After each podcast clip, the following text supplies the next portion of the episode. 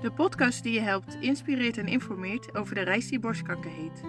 Interessant voor jou als kankerpatiënt, maar ook zeker voor jou als naaste.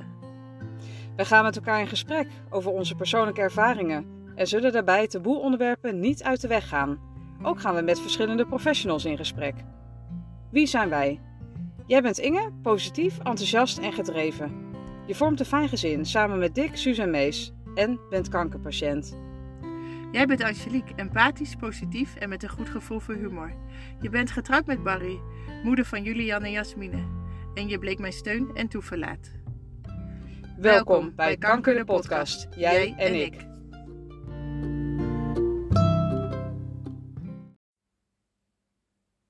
Aflevering 2. De diagnose. Vandaag gaan we met elkaar in gesprek over hoe het is om de diagnose kanker te krijgen. Ook hebben we uiteenlopende vragen voorgelegd aan Ine Burgmans, onder andere oncologisch chirurg van de Mammapolie. Ja, de Mammapolie is er natuurlijk om snel een diagnose te stellen. daar vinden natuurlijk de verschillende onderzoeken plaats. Maar hoe heb jij dat ervaren? Eigenlijk heel dubbel.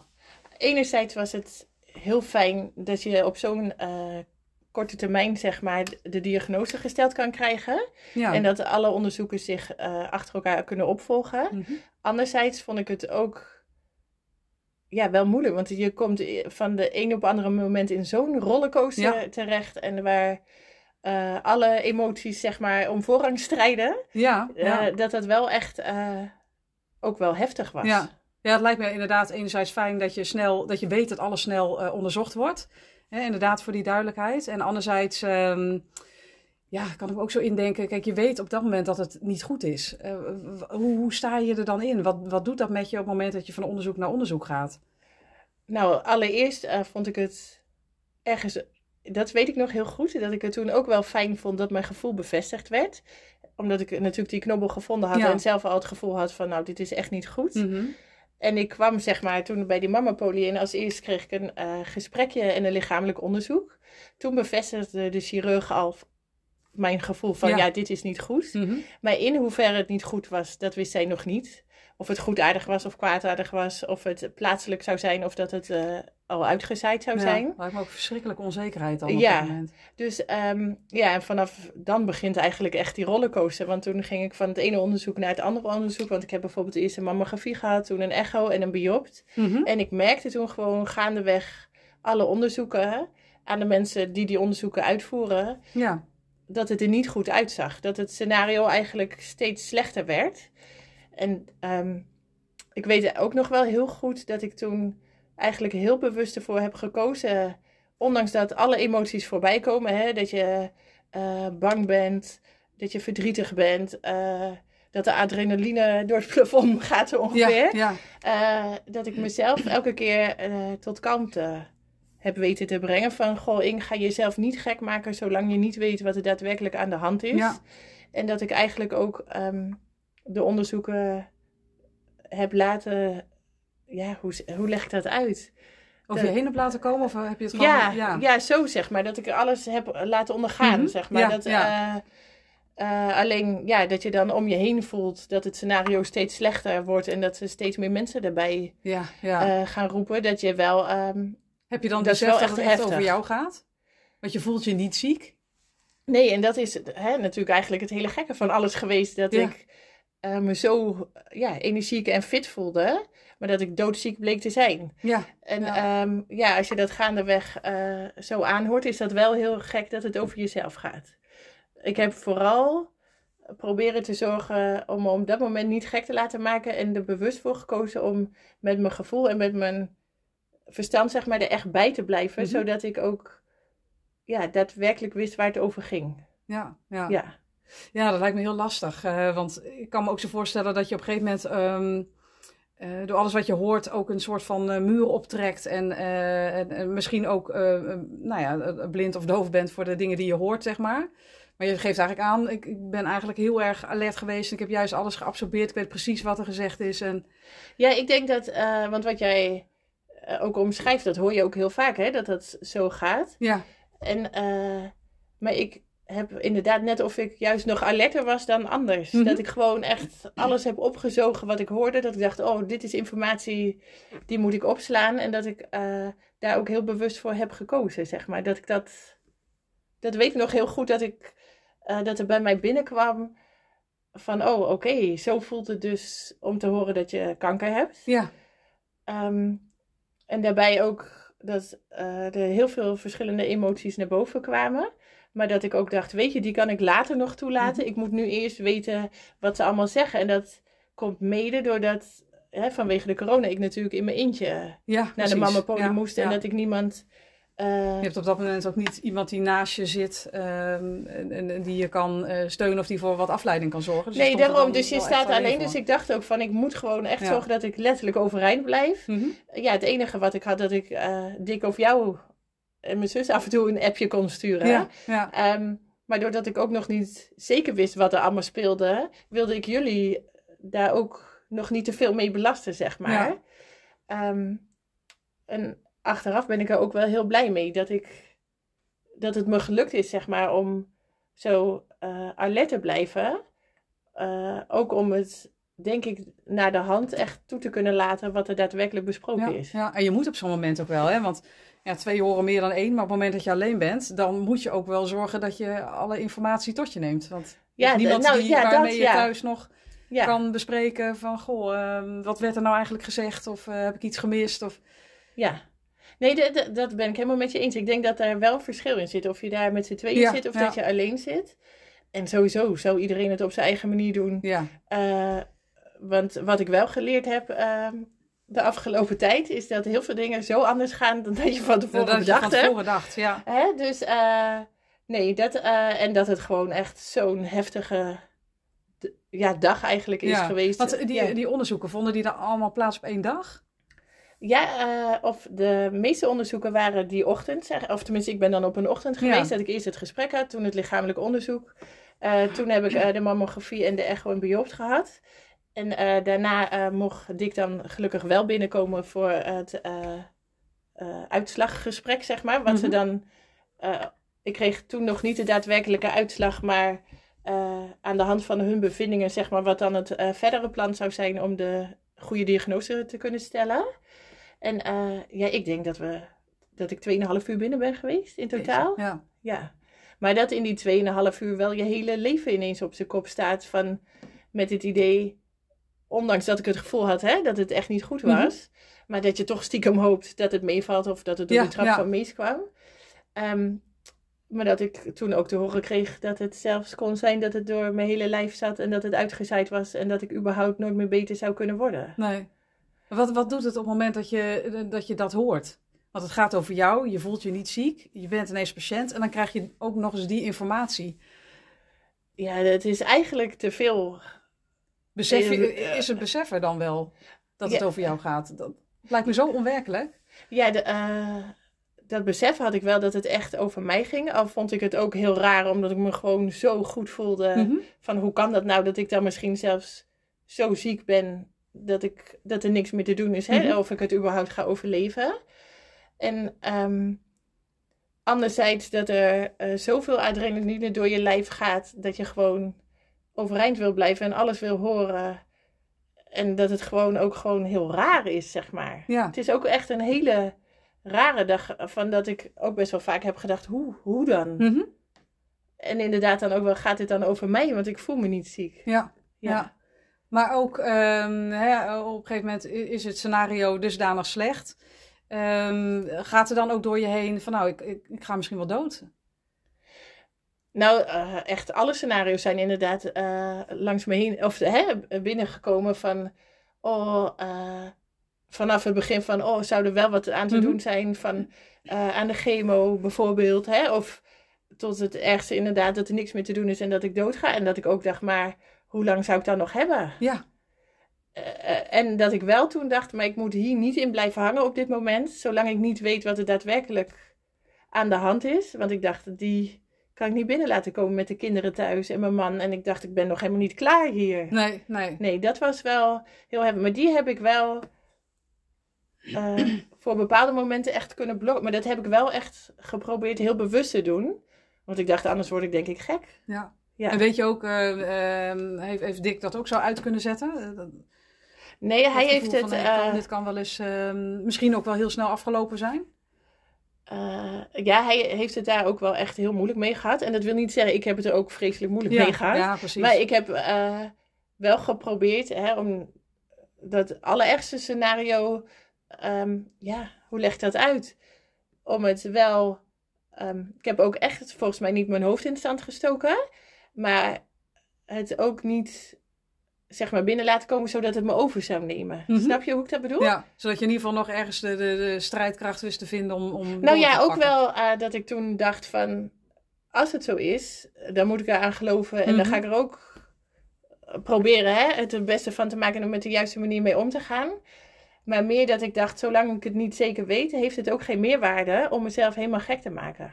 Nee. En inderdaad, Dick heeft het ook echt toen heel moeilijk mee gehad. En ik ben nog steeds, uh, of daar zou ik het ziekenhuis altijd heel dankbaar voor blijven en de chirurg. Uh, dat ze op die dag, hè, dat ik de eerste keer op de mammopolie was, heeft besloten om niet op alle uitslagen van de biopte en het bloed te wachten. Mm maar dat ze toen daadwe- uh, of, um, heel daadkrachtig heeft gezorgd dat ik de volgende dag al door de PET-scan mocht. Ja, want die stond uh, de volgende dag uh, gepland. Ja, ik mocht gelijk al de volgende ochtend door de PET-scan. Ja, om te zorgen dat je zo snel mogelijk zekerheid hebt. Ja. Want ik geloof dat onzekerheid misschien wel het allermoeilijkste is. Ja, ja. ja. ja dat kan me echt voorstellen. Ja, dat je zodra je nog ja, je weet dat het slecht is, maar niet hoe slecht. En, en heel slecht kan ook nog betekenen dat het misschien heel snel afgelopen is dat is eh, ondraag, ja, ondraaglijk natuurlijk, ook gezien je, je thuissituatie. En... Ja, en ik denk dat ik daar op dat moment toen wel ehm, een knop om heb gezet, omdat ik sowieso um, eerst nog moest laten indalen dat ik mhm. überhaupt uh, heel ernstig ziek was. Ja.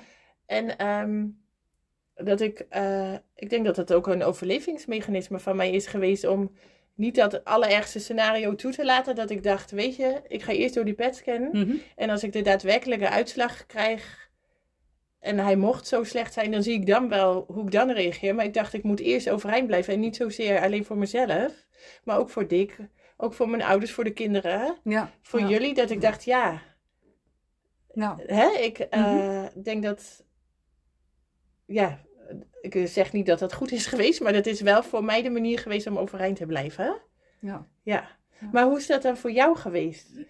Ja, Want jij uh, hoorde dat natuurlijk ook. Ja, ja. kijk, op zo'n dag um, sta je er natuurlijk wat verder vanaf. Hè? Je, uh, het leven gaat in die zin door, dus je bent aan het werk, je, je doet je dingen en, en uh, je weet dat jij daar zit. Dus ja, je zit met je hoofd ook half daar bij jou. En ja, dat maakt het natuurlijk ontzettend... Um, uh, spannend allemaal, want ja, het hangt echt aan, aan een eh, zijde draadje in feite. Het is leven en dood, weet je. Het komt dan ineens zo dichtbij. En ik heb dat zelf ook nog nooit eerder meegemaakt, dat het zo dichtbij... En wel natuurlijk familie die dan net even wat verder weg uh, stonden, maar dit kwam natuurlijk zo dichtbij. Um, dus dat maakt het natuurlijk ontzettend spannend ook. En ook beangstigend van jeetje, het kan zomaar zijn dat je die diagnose krijgt en um, dat je wereld er ineens heel anders uitziet. Dus dat heeft, ja, en dat natuurlijk bij, bij Barry hè, heeft dat ook meegespeeld. Um, je staat dan weer met elkaar in contact en je, ja, weet je, je houdt elkaar op de hoogte. En ja, je zoekt troost bij elkaar, zeg maar. Dat, um, dat hebben we zeker gedaan. Maar het was een absurd spannende tijd, überhaupt het, hele traject. Maar zeker ook zo'n dag dat je ja, je weet dat, uh, je hoort van jou dat het niet goed is, maar je weet dan niet goed waar, uh, hoe en wat verder. Hè? En je hebt natuurlijk nog geen definitieve uitslag en nog geen behandelplan.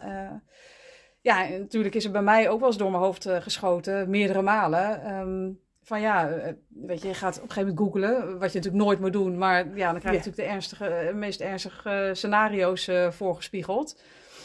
En um, ik weet nog heel goed dat ik op een gegeven moment een, een, een, een stuk, een artikel las um, uh, van iemand die uiteindelijk uh, een soortgelijke diagnose kreeg.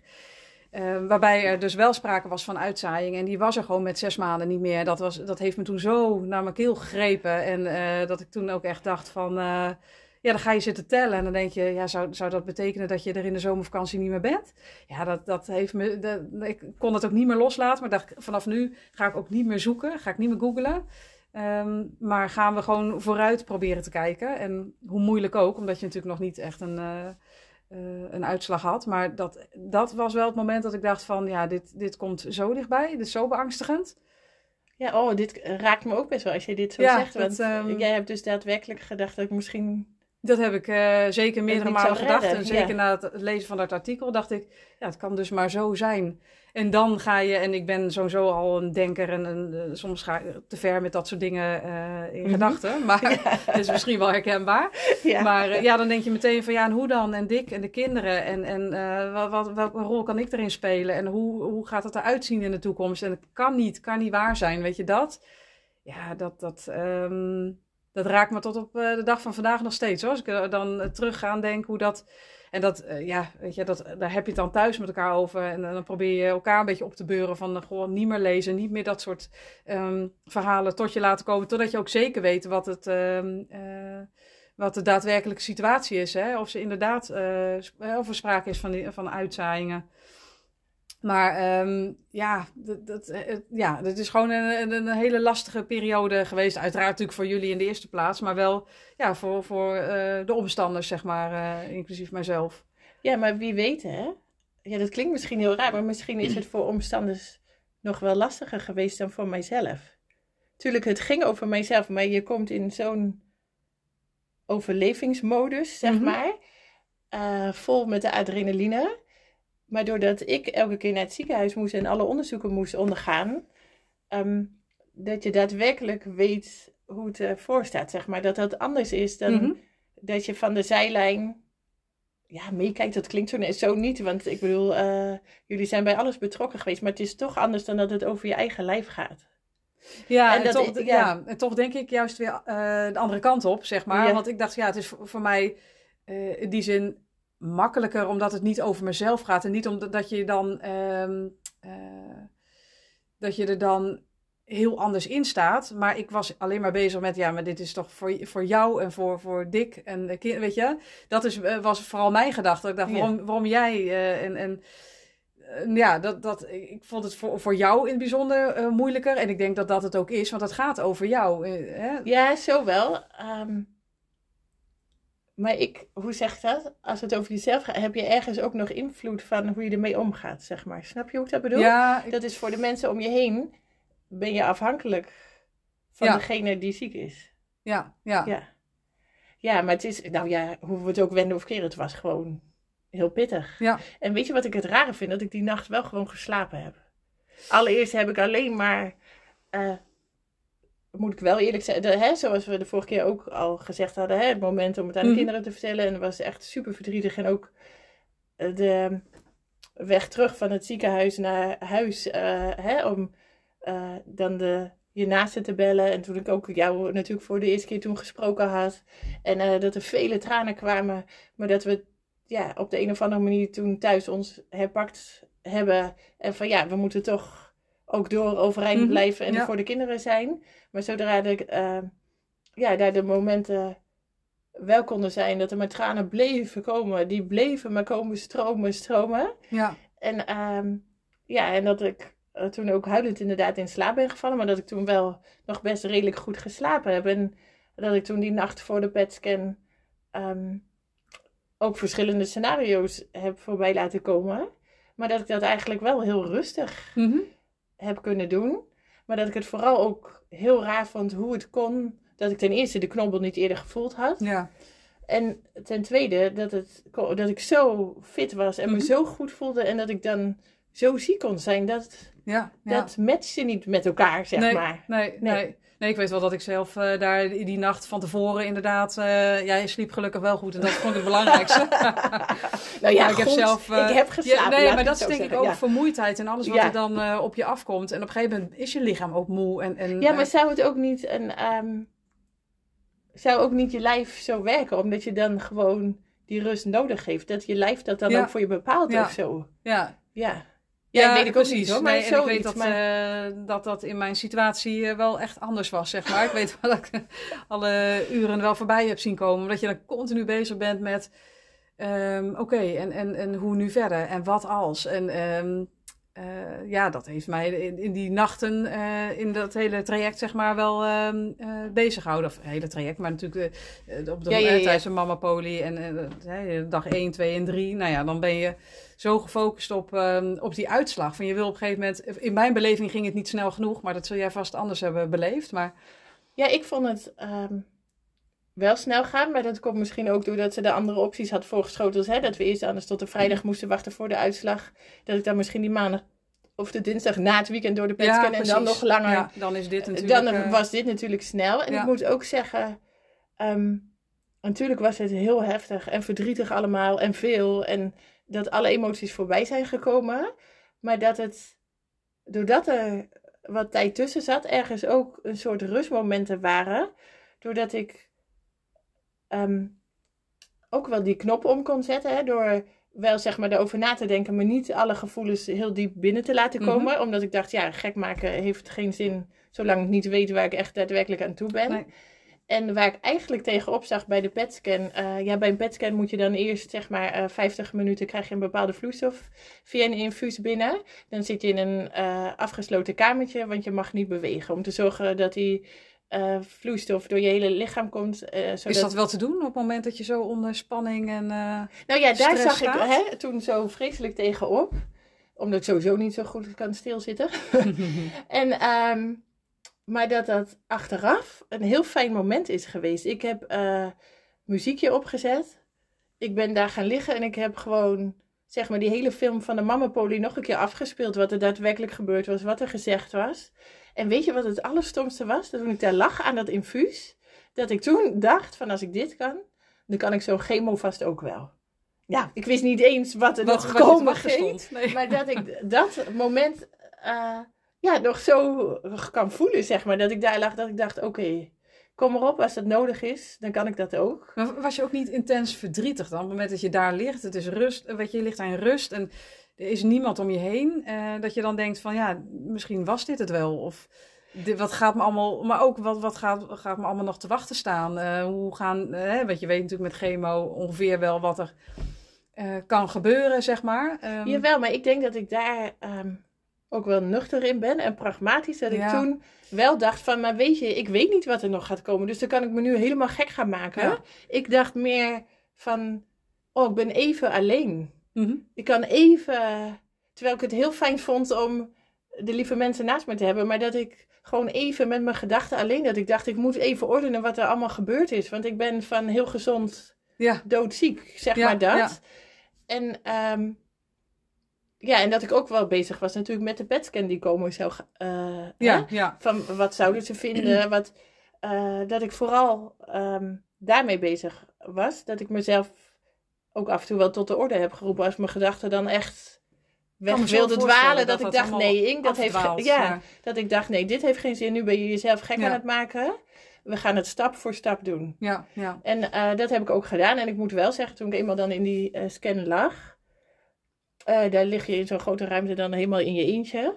Dat dat ook wel heel eenzaam voelde. Mm -hmm. En dat je uh, toen ook wel alle emoties voorbij kwamen, maar dat je dus gewoon echt doodstil moet blijven liggen.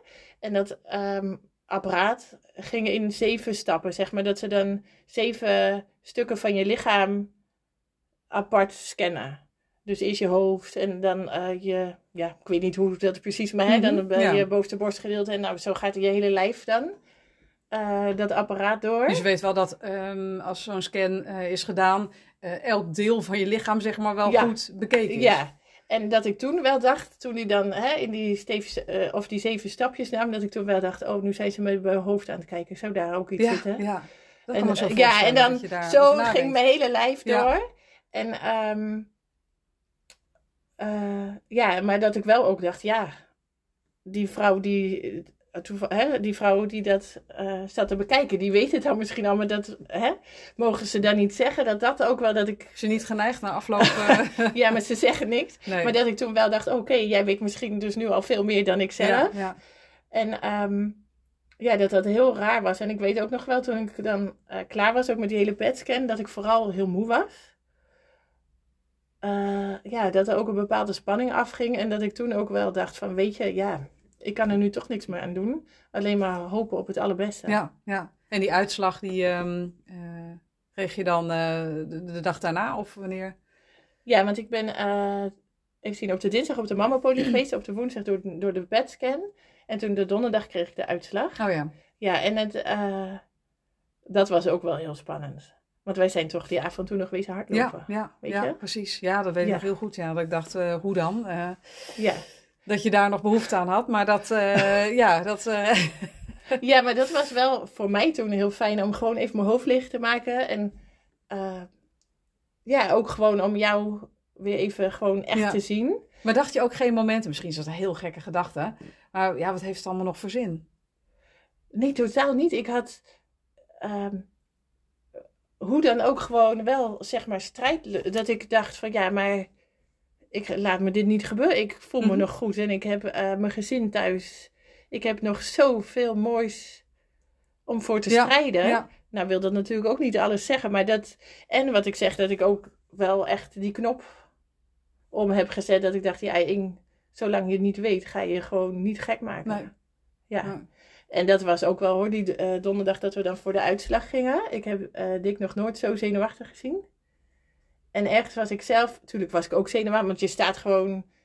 Ik heb uh, die, die drie dagen strak gestaan van de adrenaline. Ja, ja. Um, maar dat ik ook ergens een bepaalde rust in mijn lijf had. Dat ik, hè, wat we toen ook best wel vaak gezegd hebben, de, of besproken hebben, dat ik wel het gevoel had dat het echt niet goed was, maar niet dat het zo slecht zou zijn. En um, dat waren wel ook zenuwslopende momenten, mhm. zeg maar, in de wachtkamer. Maar het was echt super fijn toen de chirurg aankwam lopen dat ze de duim omhoog deed. Dat moment zou ik ook nooit meer vergeten. En dat ze zei van, uh, ik spreek je zo meteen, maar het is in ieder geval niet helemaal uitgezaaid. Er kan wat gedaan worden.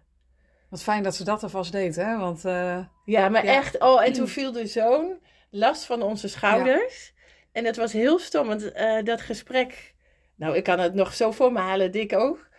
Uh, en die chirurg trouwens zelf ook. Maar dat je um, dan zo blij kan zijn... Mm -hmm. Terwijl de uitslag eigenlijk nog helemaal niet goed ja, was. Ja. Maar die was niet zo ernstig als dat ze voor... Ja, je had natuurlijk al een slecht scenario, maar dit was minder... Uh, dit was minder slecht, slecht dan het slechtste, dan zeg het slechtste. maar. En vooral het feit um, dat er nog wat aan gedaan kon worden. Ja. Zeg maar dat. Uh, en dat ik toen ook wel echt heb besloten van wat ik ook moet doen, kom erop. Ik ga er gewoon echt... was daar. Ja. echt alles aan doen. Maar, ja. Um, want hoe was dat dan voor jou, zeg maar? Hè? Want uh, wij, hè, vooral Dick was toen echt heel zenuwachtig. Maar ja, jullie zaten weer thuis. Ja. Ja, weet je wat ik net ook zei? Eh, ja, het houdt je, je weet niks op dat moment. Dus je bent heel erg in afwachting van, uh, van het nieuws. En ja, dan gaat er van alles door je heen. Misschien is het toch nog positief. Of krijg je ergens nog een hoopvol bericht. Daar, daar, ja, daar ga je een beetje uh, op hopen, gaandeweg. Maar ja, ergens voel je ook aan alle kanten, dit kan maar zo ook heel slecht zijn. Dus dat scenario probeerde ik mezelf ook wel voor te houden. Van ja, en, en, en wat als? En, en hoe gaan we daarmee om? En... Um, ja, er gaat van alles door je heen. Het is lastig om dat um, in je hoofd te ordenen op, op zo'n moment. Dus je bent continu naar je telefoon aan het kijken. Oh, ben je er al? Heb je al een bericht uh, gestuurd? Heb je misschien nog gebeld? Uh, hè, je wil gewoon nieuws. Je wil zo snel mogelijk uh, weten wat, ja, wat de stand van zaken is, zeg maar. dus dat, ja, dat speelt heel erg. Dat geeft ja, zoveel maar... stress. En um, ja, maar in gedachten ben je alleen maar bij jullie op dat moment natuurlijk ook. Hè? Van ja, hoe moet het voor jullie zijn? Hoe, onwerkelijk uh, is het allemaal. En ja, ook natuurlijk ook daarnaast ook heel erg met de kinderen bezig. Van ach, die, die ja, arme schatten. En uh, ja, hoe, mm -hmm. hoe, ziet de toekomst, uh, toekomst eruit? Weet je, vooral met die toekomst was ik ook heel veel bezig. En probeerde ik op een gegeven moment ook wel los te laten. Hoor. Maar ik merkte wel dat dat ik af en toe zo van, oh ja, maar hoe, hoe staan we er straks over een half jaar voor? En hoe is het over een jaar? En ja, ik dacht, nou, dan moet ik gewoon niet aan denken. Ja, daar kan je ook niks mee natuurlijk. Maar, um... Nee, maar hoe was het dan voor jou om deze uitslag te krijgen? Want wij waren heel blij. Ondanks, ja, ik was hè? ook blij met het, ja. uh, het feit dat het uh, gewoon maar uh, een hele agressieve vorm van borstkanker was. ja, dat ja, klinkt met uitzijden in maar, ja. ja, precies. Ik, nou, gelukkig is het dat. nee, maar um, ik, ja, het klinkt inderdaad heel gek hoe je je verwachting alweer bijstelt. Maar op het moment dat je dan hoort, het is niet het allerslechtste scenario. ja, dan denk je, dan, dan is er hoop. Dan is er eh, nog, genoeg ruimte om te strijden, om te vechten voor. Uh, ja, maar ik denk dat je dat heel goed zegt, want dat er hoop was mhm. en dat je iets kon doen. Ja, en ik denk dat vanaf dat moment je ook denkt: van oké, maar dan, dan gaan we er ook alles aan doen. Want dan gaan we, hè, dan, dan, ik weet hoe strijdlustig jij bent, maar dan, dan is er gewoon ook echt iets om voor te strijden. Ja. Dan heeft dat zin. En weet je wat ik ook zo mooi vind? Dat gevoel ik voel dat nog steeds, zeg maar. Hè, dat dankbare gevoel ehm, dat je mag strijden, zeg maar. Hè, dat die optie er nog is. Ja. En ehm, dat er toen zoveel vechtlust mm naar boven kwam. En dat ik ook echt dacht, jongens, wat ik ook moet doen, hoe beroerd ik me ook ga voelen. Ik ga er gewoon alles aan doen om hè, beter te worden. En... Uh, maar dat ik dat ook zo mooi uh, vond dat jij dat op een of andere manier ook overnam. Ja, dat we, ik wel moet zeggen dat ik het ook wel lastig vond om um, uh, op sommige momenten hoor. Weet je, eh, je moest natuurlijk heel vaak naar het ziekenhuis. En elke keer dacht ik weer van, oh jee, ze daar maar niet toch weer iets zien. Of dat, er, um, dat er misschien toch weer slecht nieuws op je pad komt. Uh, en ik weet hoe positief jij bent ingesteld, dus ik wilde jou ook niet um, daarin demotiveren of iets. Maar dat ik zelf wel, wel eens dacht van oké, okay, positief en dat wil ik zelf ook zijn en, en daar ga ik ook absoluut voor. Um, maar toch altijd dat stemmetje van ja, maar wie zegt dat er niet uh, in de loop van de tijd toch weer slechte berichten komen? En hoe, hoe dan? En hoe probeer je toch elke keer uh, dan weer, hoe ga je dan weer opkrabbelen? En dat, dat soort um, uh, gedachten had ik wel heel sterk. En zou dat ook niet, zeg maar, de, ja, hoe zeg ik dat? Voor iedereen die kanker heeft, zijn zeg maar zo'n soort nasleep of mhm. de angst dat hij altijd blijft, dat het... Dat denk ik. Maar zo altijd weer de kop kan opsteken. Ja, ja. maar ik was vooral uh, bang dat, um, dat, dat je gedurende het traject um, uh, slecht nieuws zou krijgen. Bijvoorbeeld, ja, weet je dat? Um, maar goed, ja, weet je, op het moment dat je uh, hoort dat het niet is uitgezaaid, ja, dan kun je alleen nog maar even vasthouden aan, oké, dit is eigenlijk best positief, zeg maar, hè? Tussen uh, aanhalingstekens. Ja, en dat we toen samen hebben besloten, hè? Mhm. van we gaan dit echt samen doen. Ja. En dat hebben we gedaan. En dat hebben we gedaan. Ja. Ja.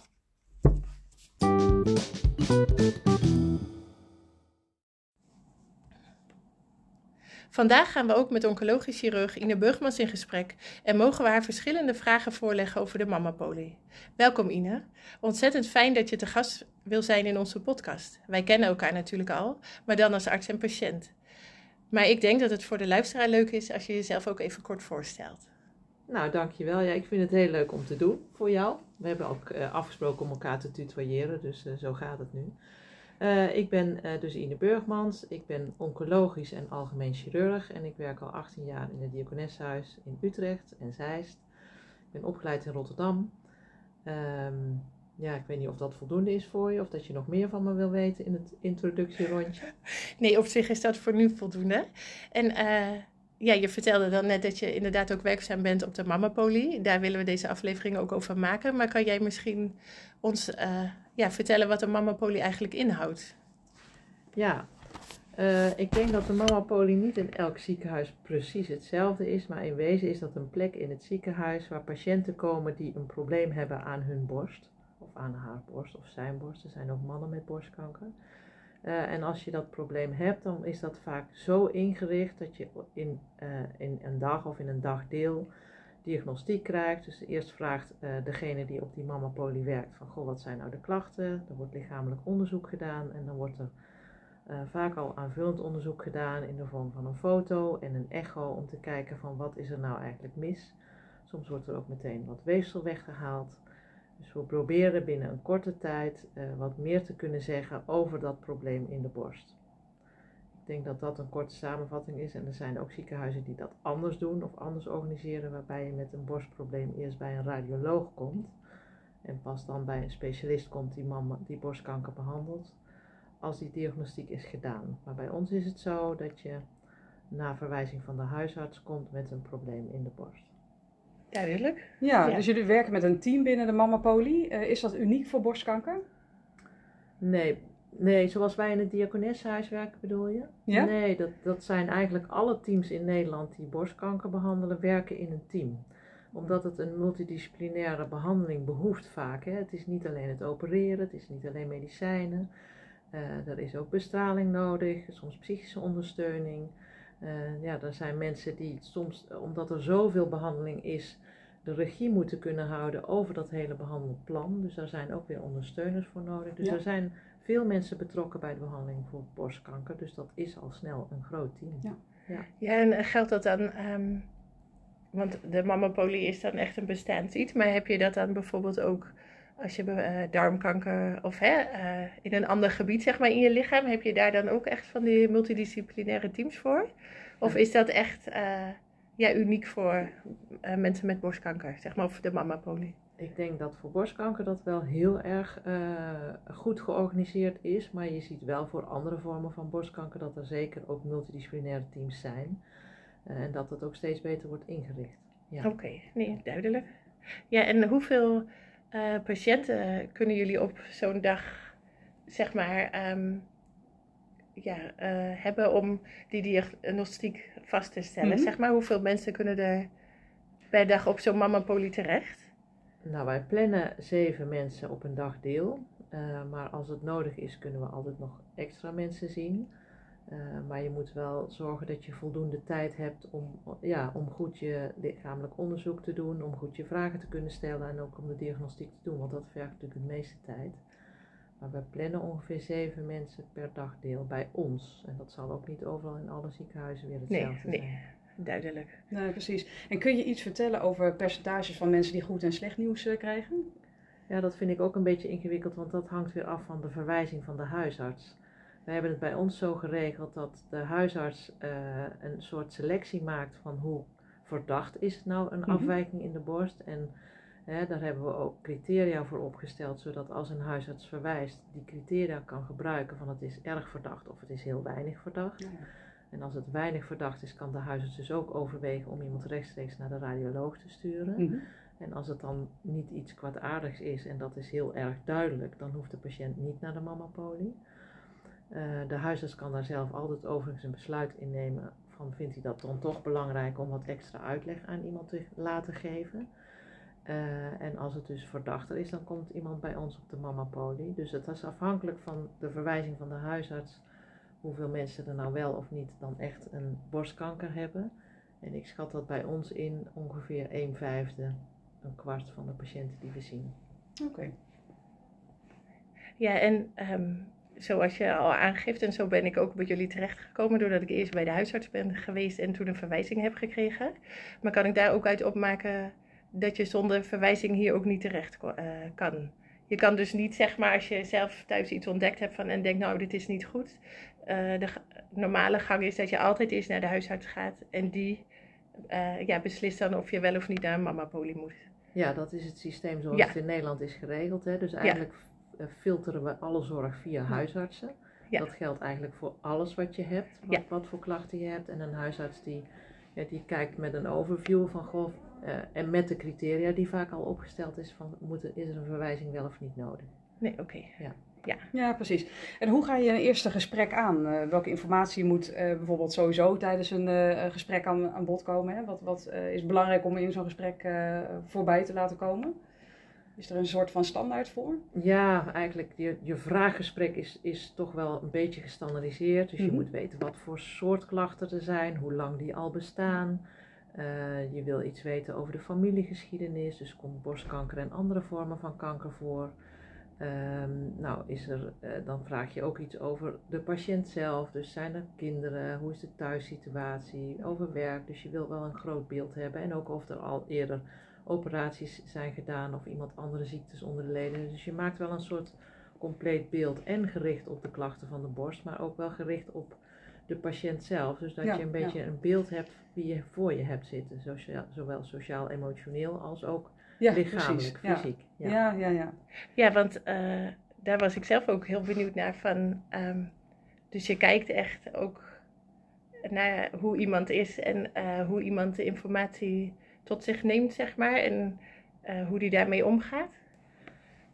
Ja, ik denk dat dat best persoonlijk is, hè, hoe je met uh, je patiënt omgaat. Ik vind het belangrijk in het begin, als iemand komt, dat je zo snel mogelijk zorgt dat je die diagnostiek rondhoudt. Dus dan kun je dat wat oppervlakkiger houden. Op het moment dat het niet goed is, wordt het steeds belangrijker om inderdaad de mens achter de patiënt wat beter uh, uh, te zien. Of dat je daar overzicht over hebt. Want dat heeft ook wel weer te maken met hoe je zo'n behandeling inzet. En, en ja, of er uh, voldoende backup is of dat iemand uh, uh, hulp kan krijgen in de omgeving, dat zijn wel belangrijke dingen om te weten. Maar dat eerste stuk, dat, dat vergt snelheid, dus dan kun je dat wat oppervlakkiger houden, denk ik. Ja, ja, ja of dus, vind ik. Ja, precies. En er spelen natuurlijk veel emoties ja, in, in zo'n ehm, gesprek plaats. hoe ga je om met die emoties van iemand die tegenover je zit, maar ook van de naaste? Nou, in het begin is het natuurlijk vooral stress en angst van is dit iets? En dat moet zo snel mogelijk weg. Dus daar ga je niet te veel op in. Je moet zorgen dat er duidelijkheid is wat er speelt. Ja, ja en uh, ja, hoe ga je om met emoties? Ik doe dit vak al 18 jaar, dus je, krijgt daar een soort uh, modus in. Of je leert dat ook wel een beetje. En, de, en als je daaraan begint, is dat best moeilijk of spannend. Dus het vergt ook mensenkennis ja, En, en een soort tools hoe je daarmee om moet gaan. Maar je moet goed, denk ik, kijken naar de patiënt. En sommige mensen die zijn vrij kordaat en kunnen, um, kunnen al heel snel informatie tot zich nemen. Dus je kijkt steeds heel goed van wie heb ik nou voor me mhm. zitten.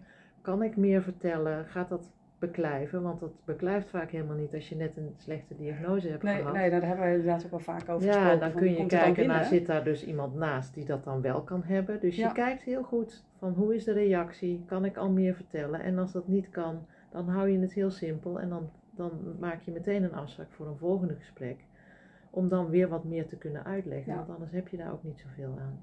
Nee, dus dat lijkt me inderdaad wel heel lastig, want je wil wel de informatie gewoon goed kunnen overbrengen. Ja. Uh, en de een kan dat natuurlijk makkelijker uh, absorberen dan, uh, dan de ander. Ja, en daar krijg je dan toch wel ervaring mee, denk ik, als je dit vak langer doet. Ja, dat, ja. Je kan, dat je beter kan inschatten van, gaat die informatie nu aankomen mm -hmm. of niet? En dat zal ik ook nog wel eens een keer mis hebben. Maar dan merk je dat in een tweede gesprek, dat toch veel wat je verteld hebt nog niet helemaal is blijven hangen. Nee. En dan herhaal je dat nog een keer. Ja, ja. ja mooi. Ja, ik herken dat ook. ja. En um, wat ons, hè, daar hebben wij het ook vaak over gehad, want dat hoor je nu, vinden wij best wel vaak. En je ziet dat ook in de media en je hoort het om je heen, dat er steeds meer wantrouwen in de zorg ontstaat. Dat, uh, mensen er niet gelijk van uitgaan dat het klopt welke diagnose ze krijgen, dat ze een second opinion willen en um, ja, uh, dat ze daar tegen ingaan, zeg maar. Is dat voor jou ook bekend? Zeker. Ja.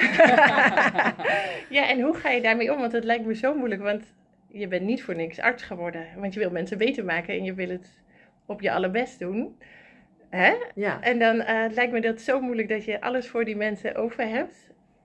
Ja, hoe, hoe nou, ga je daarmee om? Je zegt uh, precies wat ik soms wel eens voel. Kijk, je wordt dokter om het, en je hebt het beste met je patiënt voor. Dus ik denk dat eigenlijk elke dokter vanuit zijn hart uh, zo goed mogelijk zorg levert.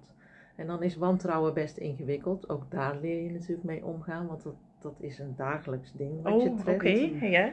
Van ho, hoe lang uh, doe je dit al of doet u dit al? En zit ik hier wel goed en moet ik niet ergens anders naartoe? En dan probeer ik toch altijd uit te leggen dat er veel ervaring is, maar ook dat een patiënt zich goed moet voelen bij de behandelend arts. Want dat is denk ik ook wel de basis van, de, ja, uh, van, van goede zorg. En als dat gevoel niet goed is, ja, dan moet iemand naar een andere ziekenhuis of een andere dokter gaan. En dat kan ik steeds beter mee omgaan, want dan is dat maar wat het is. Maar het is wel jammer dat dat zo'n gedachte is en dat het soms ook wel gevoed wordt door omgevingen. Want dan zijn patiënten best tevreden met zo'n gesprek hier of bij een andere dokter. Maar dan gaat de omgeving heel erg sturen van zit je daar wel goed en moet je niet ergens anders naartoe. En dat ja. vind ik soms wel sneu voor patiënten, dat ze dat ook nog moeten, uh, dat ze daar ook nog mee om moeten gaan en, en dat zeg maar moeten pareren of, of juist daarmee in moeten gaan en dan een opinion moeten vragen, wat een hoop energie en tijd kost. Ja, maar ik, uh, als we het zo over hebben, is dat ook best wel herkenbaar, want ik had per direct heel veel vertrouwen, ja. heb ik altijd gehouden. Maar dat mensen om mij heen wel eens zeiden van, maar moet je dan niet dit en moet je dan niet dat? Want hun zeggen zus en hun zeggen zo. Ik heb dat gelukkig heel goed kunnen parkeren, want mijn gevoel was heel goed. Uh, dus ik heb dat ook zo gelaten. Maar ik kan me voorstellen als je of minder sterk in je schoenen staat of daar onzeker van wordt, dat dat wel heel ja. dat dat lastig is. Ja. Misschien Ja. voor deze podcast goed. De borstkankerzorg in Nederland is overal heel erg goed. Ja, Je hebt overal dedicated mama teams en chirurgen die dat met volle overgave doen. Dus als jij op een mamapodie komt en je hebt een goed gevoel over je professionals, dan is het goed. En dan hoef je eigenlijk helemaal niet weg. En er zijn soms eh, ingewikkelde gevallen, die heb ik ook nog wel eens. En dan mag je ook weten dat er overlegd wordt in een multidisciplinair team van de regio en zo nodig zelfs buiten de regio. Dat doen wij als professionals. Dus als wij zelf twijfelen over is dit nou de beste keuze, dan wordt er heel laagdrempelig eh, in het land eh, om advies gevraagd. Dus ik denk is dat het dan je, met verschillende ziekenhuizen? Of hoe moet ik nou, dat je hebt buiten in de regio, zien? natuurlijk een, een multidisciplinair over- overleg per ziekenhuis. En Mhm. omdat deze zorg zoveel voorkomt, hoeft dat niet per se buiten het ziekenhuis te zijn. Dus je hebt een team binnen het ziekenhuis met bij ons bijvoorbeeld de bestralingsarts van het UMC. Ehm, ja, en bij ons is het zo, of ik, ik doe dat in ieder geval als ik echt nog twijfels heb, of als ik denk, nou, ik vind het fijn dat iemand nog buiten dit MDO meedenkt, dat ik overleg heb met het Antonie van Leeuwenhoek ziekenhuis. Ja. Ook al voor mezelf, maar ook voor mijn patiënt. Mhm. Ja, dat we, dat we met twee meningen eh, dit benaderen. Ja, ja. En Nou, dat doe je is natuurlijk onderling ook. En ik vraag heus wel eens een collega, terwijl ik hier als langste werk, van goh, zou jij het ook zo doen? Of, eh, of benader ik dit op de goede manier? Ik denk dat dat heel belangrijk is. Maar dat mensen dat ook weten. ja. maar nogmaals, ja. als patiënt moet je vertrouwen hebben in je dokter. En als dat niet zo is, of als er geen klik is, of je voelt je daar niet prettig, ja, dan kan dat een reden zijn om te switchen. Ja, precies. Ja, en soms wel lastig, want je hoort ook wel dat, eh, hè, dat, dat, eh, dat dan gezegd wordt van ja, maar hier in dit ziekenhuis wordt zo gedacht en, en daar wordt zo gedacht. En eh, dat dat mensen soms ook wel eh, ja, onzekerheid brengt of dat ze twijfelen van ja, moet ik dan niet, kan ik dan niet beter daar terecht? Ik hoor daar Ja. goede verhalen. Maar eigenlijk zeg je, er wordt heel veel met elkaar overlegd. Er En, wordt veel overlegd veel en er zijn kleine nuances en er zijn ook persoonlijke voorkeuren. Ja, denk ik. Dus precies. ik, ik weet niet of je precies dezelfde behandeling bij elke dokter in elk ziekenhuis zou krijgen, maar dat wil niet zeggen dat het een verkeerde behandeling is. Nee. Dus je maakt keuzes samen met, met de patiënt.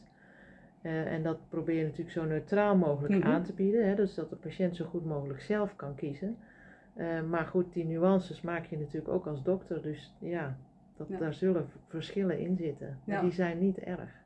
Nee, en ik denk dat het ook wel veel maatwerk is. Hè? Dat Ja. klinkt misschien een beetje plastisch, maar dat, dat, dat je heel erg kijkt naar van wat, wat, met welke situatie hebben we van doen en Zeker. dat je op basis daarvan eh, natuurlijk... wat past eh, bij iemand. Ja, ja. Ja. Ja. Nee, duidelijk. duidelijk. En ik denk ook wel heel goed eh, dat dit ter sprake komt. Zeker, Ja. ja. En ehm, nog een andere vraag die we hadden. Want hoe verhouden wij ons zeg maar, ten opzichte van het buitenland? Wat betreft eh, met de behandeling eh, van borstkanker. Met de aanpak van borstkanker. Nou, er zijn Nederlandse richtlijnen en die zijn ook gebaseerd op internationale studies. En verder doen we het ontzettend goed in Nederland. Ja. Dus de zorg is hier heel erg goed. Ja, fijn. Nee, dat is eh, altijd weer een fijne bevestiging. Ik weet niet of dat Ja. voldoende zegt, maar Ja. echt niet Nee, naar nee, het zo buitenland. eh, nee, Nee, nee, zo inderdaad. was het. eh, Nee, het ook. is ook meer van, ehm, eh, trekken we daar bijvoorbeeld binnen Europa met elkaar één lijn? Eh, of, of wordt er toch eh, bijvoorbeeld in, in België of in Duitsland bijvoorbeeld anders gedacht? Of, Nou, ook daar zijn natuurlijk nuances en verschillen. Ehm, ik denk dat het goed is dat we in Nederland de Nederlandse richtlijnen hebben. En, en daar wordt echt heel breed over gedacht. En dat wordt steeds aangepast. En dat doen Mhm. we op basis van en nationale, maar ook internationale studies. Ja. Eh, dus er zijn natuurlijk zeker wat verschillen. eh, soms regionaal, soms eh, internationaal. Maar die zijn ook weer niet zo heel erg groot. Nee, het is niet zo dat, eh, dat wij bijvoorbeeld in, in een, eh, op een bepaald eh, vlak voorlopen of eh, juist zien dat eh, onze buurlanden eh, ergens in voorop lopen. Nee. Dat speelt niet. Nee. nee. Nou, en onze laatste vla- vraag. Want is er iets, in welke vorm dan ook, dat je altijd wil meegeven in een gesprek, ondanks de uitslag? Ja, daar moet ik dan even over nadenken. Kijk, ehm, wat het belangrijkste is, denk ik, dat je eerlijk en duidelijk bent. Ehm, ja, het liefst geef ik natuurlijk hoop mee en mogelijkheid tot behandelen. Maar als ik dat nog niet weet, hè, als, het, als het nog niet duidelijk is wat het is, ja, dan, dan moet je dat ook zeggen. Dus van er speelt wat en ja, hoe het precies gaat worden, weet ik nog niet. Maar het belangrijkste is, als het kan, dat je hoop meegeeft. En, eh, ja, en dat je dat ook duidelijk schetst wat dat dan is. mooie afsluiting. We willen je hartelijk danken voor je bijdrage aan uh, deze podcast. Nou, heel graag gedaan. Dan gaan we